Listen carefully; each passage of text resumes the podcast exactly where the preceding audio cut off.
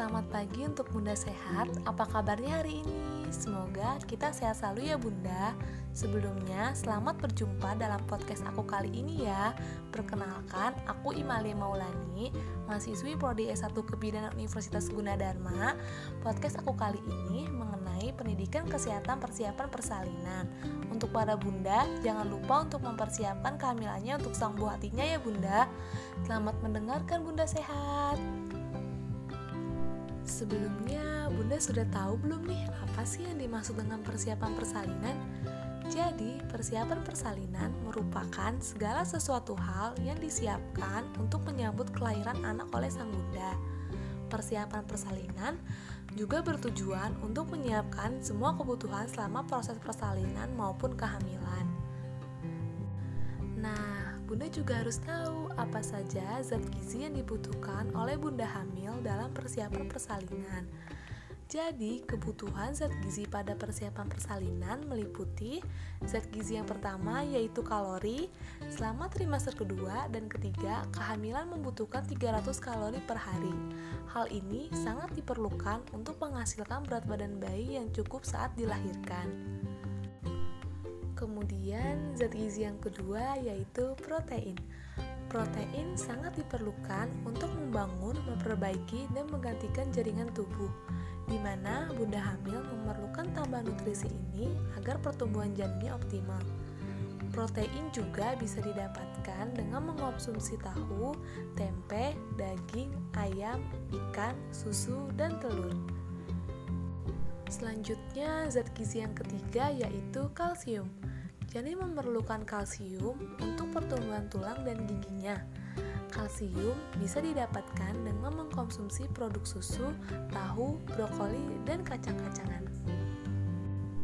Kemudian, zat gizi yang keempat yaitu zat besi. Kekurangan zat besi akan mengakibatkan pertumbuhan dan perkembangan janin menjadi terhambat. Untuk bunda hamil, zat besi bisa didapatkan dengan mengonsumsi bayam, daging merah, ati, ikan, telur, dan kedelai. Lalu zat gizi yang terakhir yaitu asam folat.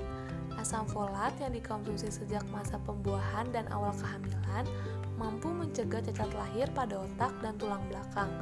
Asam folat biasanya didapatkan dengan mengonsumsi jus jeruk, oatmeal, brokoli, stroberi, dan roti. Bunda, selanjutnya dalam mempersiapkan persalinan, Bunda juga harus memperhatikan hal-hal yang Bunda hamil lakukan dalam mempersiapkan persalinan. Jadi, ada empat hal yang perlu dipersiapkan oleh Bunda hamil untuk persalinan, yaitu yang pertama, persiapan fisik. Bunda perlu menyiapkan kondisi fisik sebelum hamil. Bunda juga harus memahami berupa adanya perubahan fisiologi sebelum terjadi persalinan kira-kira dua minggu.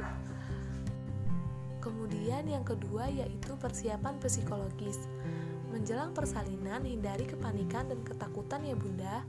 Bunda harus bersikap tenang, memberikan kasih sayang, dan semangat untuk bunda yang akan melahirkan. Lalu yang ketiga yaitu persiapan finansial.